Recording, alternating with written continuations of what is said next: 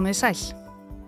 Um það byrj 100 manns þar af hátt í 50 bladamenn og ljósmyndarar mistu vinnuna á förstudaginn.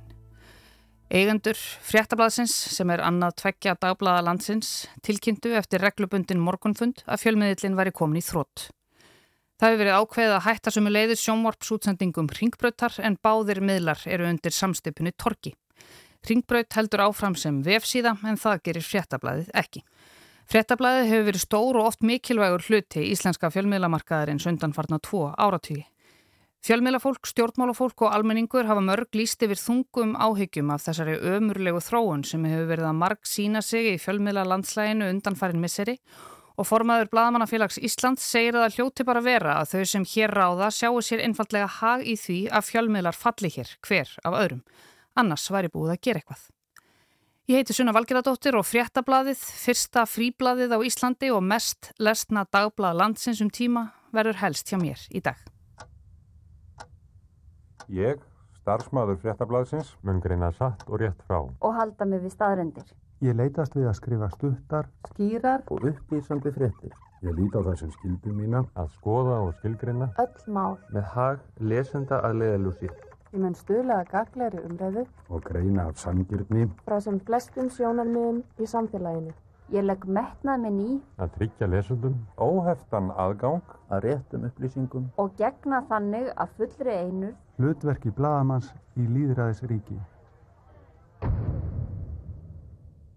Fréttablaðið markaði tímamóti í íslenskri fjölmjölasögum en það var fyrsta dagblaðið sem var borið ókipis út til fólks. Við berum mörg taugar til fréttablasins, kannski ekki að undra. Blaðinu var dreift í öll hús á höfuborgarsvæðinu og á Akureyri þar til fyrir nokkrum mánuðum.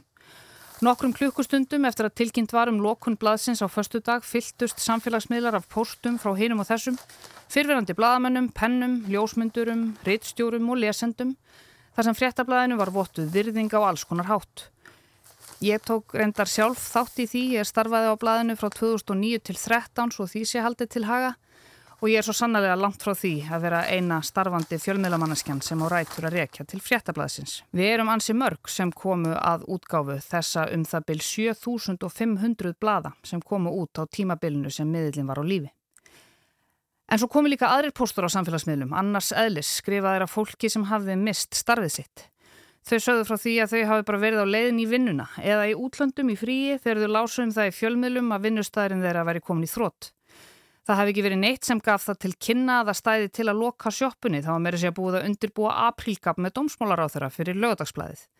En það kom ekkert lögadagsblæð þó að vissulega hafi verið haldinn morgunfundur á förstu deginum venju samkvæmt þar sem draug voru lögð að helgarblæðinu. Starfsmenn fréttablasins áttu sér einskis íls von þegar þeir mættu til vinnu í morgun en að loknum hefðbundnum rittstjórnarfundi var tilkynnt að útgáfu blaðsins er þið hætt. Þetta fólk þarf að fara að leta sér vinnu, hátt í hundra manns og uh, þetta er sorgadagu fyrir fjölmjölasögu í landinu, þetta er sorgadagu fyrir líðræði í landinu. Ég mætti vinnuna um kannski tíu litið og þá er hérna, Helgi Magnússon eigandi að kallar okkur á fund á Jóni Þóriðssoni, hérna frangatastjóra Þar sem að þeir bara tilkynna okkur það að fréttablaði komi ekki aftur út og að það er leggja niður fréttablaði.is og það sé búið að samina ringbreyt.is og devaf.is undir nýju fyrirtæki og við séum allir búin að missa vinnuna. Þarna heyrðum við fyrst viðtal Ölmu Ómarsdóttur við Sigmund Erni Rúnarsson, reittstjóra og svo kom Lóvísa Arnardóttir, fráfarandi fréttastjóri á fréttablaðinu með viðtali við Kristínu Ólafsdóttur, fréttamann á stöðu 2 og vísi. Það áttu þarna breytingar sér stað í janúar þar sem við hættum að dreifa blaðinu í hús og það voru náttúrulega stærstu breytingan sem hafa verið gerðir á hérna hjá fréttablaðinu frá því að það var stopnað en ég get alveg sagt að veist, það bjóst enginn með þessu í dag, enginn. Eigendur fréttablaðsins og ringbröytar, forsvarsmenn fyrirtækisins Torgs sendu frá sér yfirlýsingu á förstu daginn skömmu eftir að fregnirnar bárust. Ástæður þess að rekstur fréttablaðsins gengur ekki upp eru margvíslegar, að hluta til erum óhefni að ræða og að hluta erum að ræða óviðráðlega þróun þar sem útgáfa fjölmil á pappir hefur látið hrætt hundan síga við um heim ekki síður en hér á landi. Stafrænir fjölmilar eru smá saman að taka yfir. Þá er rekstrar umhverfi engareikin að miðla á Íslandi óbúðlegt. Allir ráðnir starfsmenn Torgs fengu greitt laun í dag. Vitalega er mjög dapuleg niðurstað sem hér er kynnt, en stjórnendur útgáfunar hafa sannlega leitað allra leiða til að finna henni viðunandi rekstragrundvöld til framtíðar, en án árangurs. Stjórnfélagsins harmar þessi málalokk og þakkar þeim fjölmörgu starfsmönnum sem hafa lagt dag við nótt að treysta stóði rekstararins undanfarið og óskar þeim velfarnaðar. Svo mörg voru þau orð. Eða reyndar ekki, yfirlýsingin var lengri þegar töluðu meðal annars um veiru vandan, rúf af auglýsingamarkaði og svoleiðis. Allavega, nú skulum við opna blað nummer 1. Season 1, episode 1. Seria 1, þáttur 1, pilot fréttablasins. Það er ekki mikið um sjálfkverfu í fyrsta tölublaði fréttablasins sem kom út mánudaginn 23. apríl 2001. Í raun er ekkert sem gefur til kynna að hér sé nýtt blað mætt til sögunar. Það eru bara fréttir á forsýðunni. Það er ekkert, sjáuð okkur, hér er komið glæ nýtt ókipis blað handa ykkur. Það eru bara fréttir. Það meiri segja svona móladálkur neðist á forsýðunni sem heitir Þetta helst. Forsýðu fréttin þennan fyrsta útgáfudag fréttablaðsins fjallaði um aðstæður geðsjúkra á Íslandi og fyrirsögnin ekki sé neitt þessu líkt. Það segir Sveit Magnússon, framkvæmdastjóri geðhjálpar þarna um aðstæður geðsjúkra sem hann segir sláandi. Tíjan, eins og hún var kölluð, litla fréttin niðri á forsýðunni fjallaði um ofbeldisfull mótmæli í Quebec í Kanada og að leiðtógar Vesturlanda væru að funda í skugga þeirra. Á forsýðu þessa fyrsta fréttablaðs má líka sjá að Kvarasi var að gera það gott í útlöndum og Arne Orhus munið eftir honum. Það var ofurhugi sem var alltaf að gera eitthvað klikkað. Hann hafi stokkið þarna ofan af frægustu byggingum heims. Og í þetta helst, dálkinum, var Össur Skarpíðinsson sem var þá formaður samfélkingarinnar að útiloka með öllu að setja lögbann á verkfall sjómanna og síðan er móli um að þúsundir hafi komið saman í Jóhannesvorborg í Suður Afríku til þess að heyra minningu þeirra sem létust í hörmulegu slisi á Ellis Park leikfanginum, þar sem þúsundir tróðust undir og 43 létust. Þetta maður sá. Á bíómyndasíðunni eru eftir farandi kvikmyndir auglýstar í kvikmyndahúsum. Það er Enemy at the Gates, Traffic, The Wedding Planner og Men of Honor. Þetta var fínasta bíotímabilaðna. Hop on the mic like a fascist Mussolini. Coming to it over north from the dark You will see me. Rise up from the sea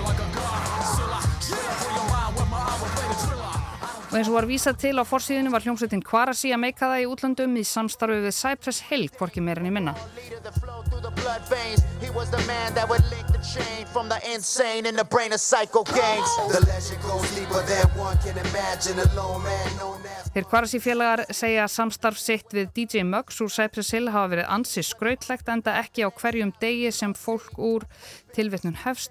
Skandinavísku velferðarsamfélagi komist í kynni við vopnaða mislinda menn úr fátækra hverfum bandaríkjana. Þetta er þarna bein tilvittnun í fréttablaði.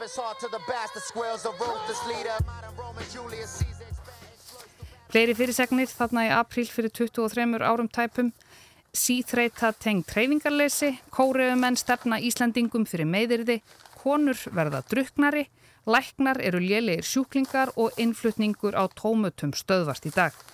Ég bendi áhuga sömum hlustendum og lesendum að það er að nálgast þetta blad á netinu bæði á tímaritt.is og svo á fréttablaðið.is. En þá allavega. Fimm árum síðar, 23. apríl 2006.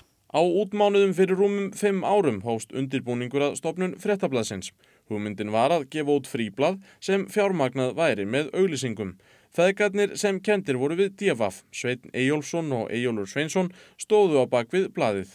Nú fimm árum síðar kemur blaðið út alla dagavikunar, prentað í lit og stærðin er á bylunu 48 til 96 síður á dag.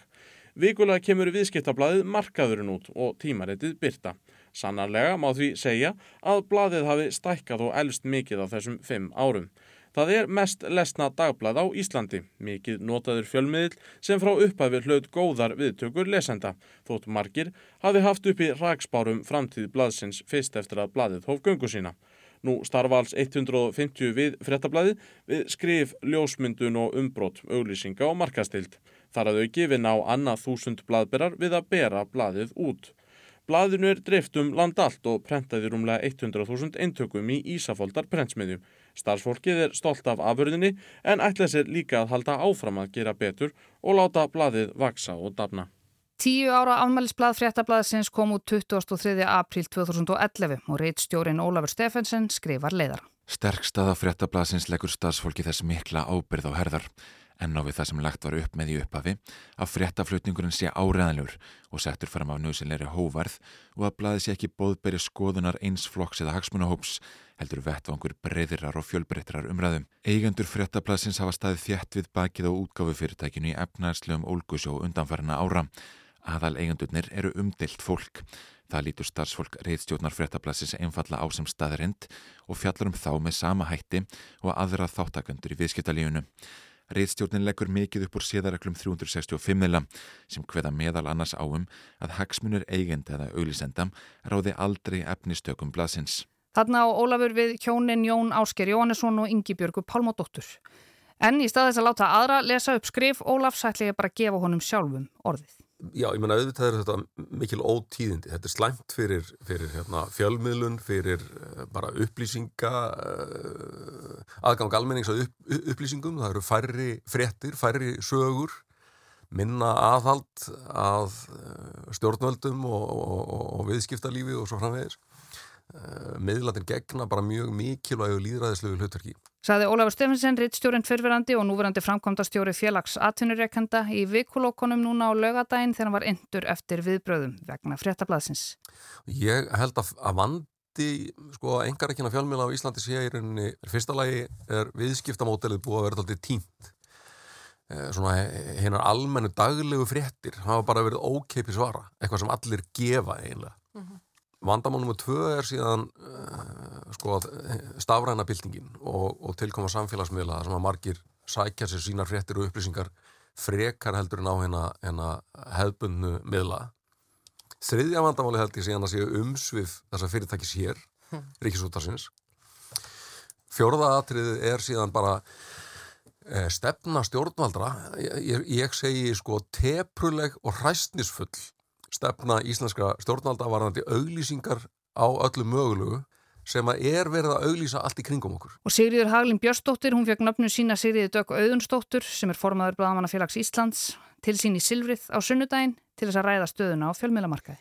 Þetta er búin að vera blóðugur vetur á fjölmiðlamarkaði, það fækkaði náttúrulega um eitt þegar kjarnin og, og stundin saminuðu krafta sín í heimildina sem, nú, sem er, er, er þá orðin sterkari fyrir vikið, en fjórir lagði upp laupana fyrir örfáum vikum og nú á förstu daginn fengum við fréttir af því að fréttablaðið uh, og ringbröðurenda líka hefur lagt upp laupana uh, og þar líkur og það lauk meirinn 20 ára sögu þessa mest lesna dagblads Íslands eins og, eins og uh, sagt var á sínum tíma. Um, Sigriður, þú sagður á förstu daginn að, að þú væri freinlega farin að trúa því að hér væri hópur sem hefði hag af veikum fjölmjölum. Uh, hvað áttu nákvæmlega við með því? Sko hef eiginlega enga aðra skýring á því hvers vegna um, valdamenn hafa ekki grepið til uh, markvissari aðgerðaheldur en raunber vittni þrátt fyrir að hafa undarfærin ár uh, þessi staða hafi blasað við.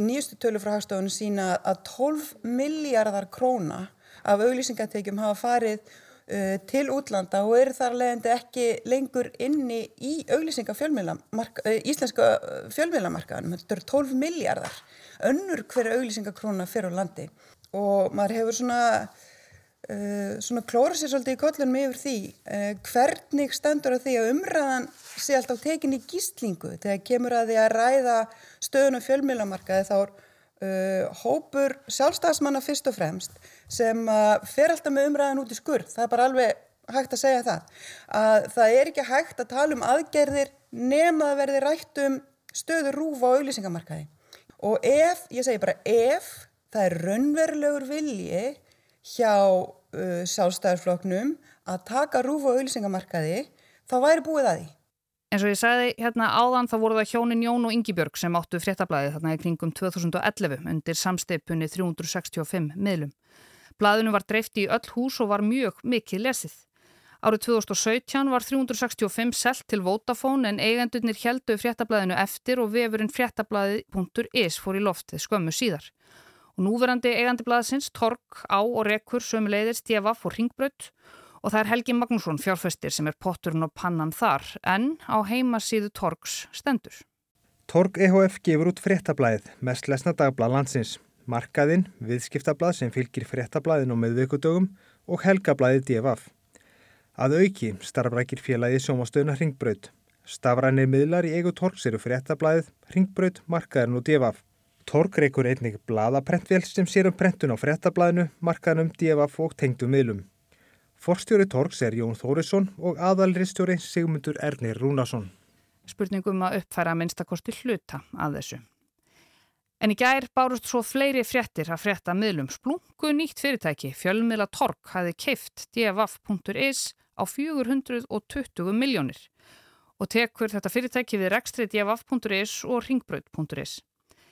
Fyrirtæki var stopnað 1. janúar síðastliðin samkvæmt upplýsingum úr fyrirtækjaskrá skattsins og það er hann Helgi Magnússon, aðalegandi Torg sem er skráður eini eigandi fjölmiðlatorgs.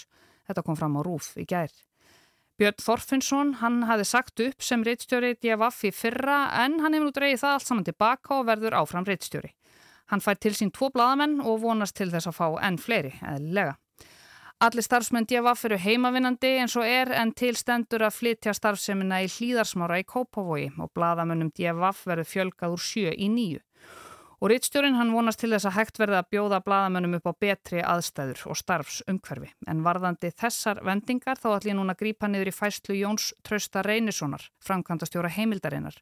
Hann er líka fyrfrandi rittstjóri stundarinnar, DFF og alls konar. Og Jón Trausti eins og svo margir vann einu sunni á fréttablaðinu og hann skrifar.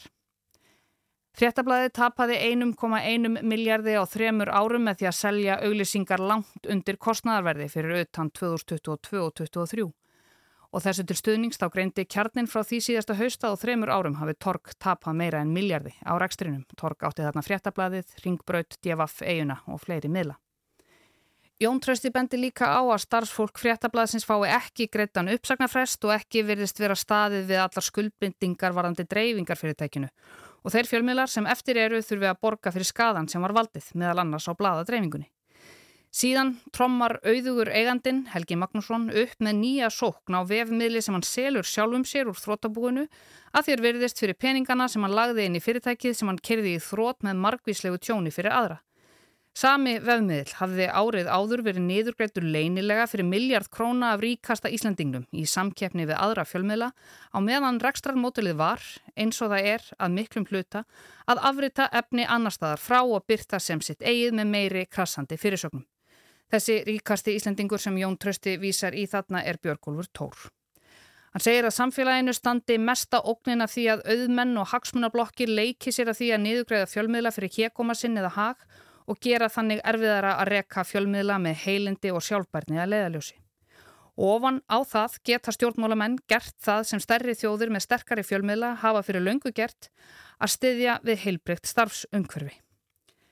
Hvort þessi ákvarðun eiganda fréttablaðsins hafi verið liður í óviðræðanlegri þróun fjölmiðla heimsins eins og profesorinn í Barcelona saði við Ólaf Steffensen þegar hann var á milli reittstjórastóla. Ekki vinna á dagblæði, ekki fjárfest í dagblæði, ekki koma nálagt dagblæðum. Þetta er, þetta er degjandi bransi. Það fyrsta sem ég gerði þegar ég kom heima náttúrulega að ráða mig sem reittstjóra á dagblæði. Eða hvort Jón Trausti og Sigriður Dögg hafi bara einfallega rétt fyrir sér. Ég ætla að leiða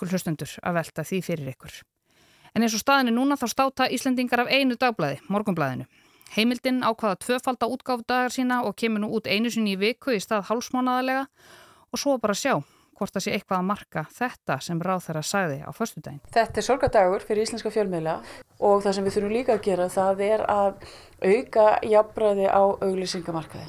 Eða þetta. En ég er fann að halda að þessi mantra að það sé ekki hægt að gera neitt fyrir rúveri tekið auglýsingamarkaði sé raunverulega til þess að drepa umræðina og komi í veg fyrir að það verði gripið til neittna aðgerða vegna þess að það er hægt að um, fara með umræðina bara alltaf í sama farveg á þess að gera neitt. Þar sem ég skautaði yfir fyrsta fréttablaðið í byrjun þessa þáttar þá finnst mér við hæfi að enda hann á síðasta blaðinu sem kom út förstu daginn örlagaríka 31. mars.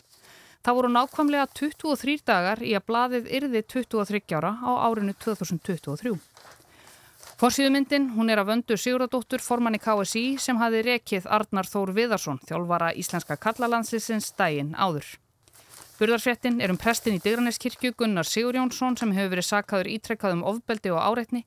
Frettin fjallar reyndar ekki um hann heldur uppsögn organistans í kirkjunni og fyrirsögnin síðasta þólanda Gunnar spólað út úr Digraneskirkju. Fimman á fórsíðunni, pínulitla fréttin, hún fjallar um erlend vinnuafla á Íslandi og að útlendingar fái oft lægri laun en Íslandingar. Þetta tilvísunin í stærri fréttin í blaðinu. Aðrar fyrirsagnir á fórsíðu sem vísa inn í blaðið eru Jón Gunnarsson í kröppum dansi, við þurfum líklega ekkert að skýra það nánar. Ekkert stöðvar greifólkið, það eru aðdáendur Greis Anatomy, ekki vesalingsfólkið. Og skrifar um reynsluna af kleppi, sem sé það er eitthvað um geðhelbriðismál á fyrstu og síðustu fórsíðum fréttablaðsins. En ég heiti Sunna Valgeradóttir og res og fall mest lesna dagblaðs landsins var helst hjá mér í dag. Takk fyrir að leggja við hlustir og við heyrumst aftur á morgun. Frá 2001 höfum við flutt alvöru fréttir, sama hvar þú lest okkur. Fréttablaði stendur undir nafni.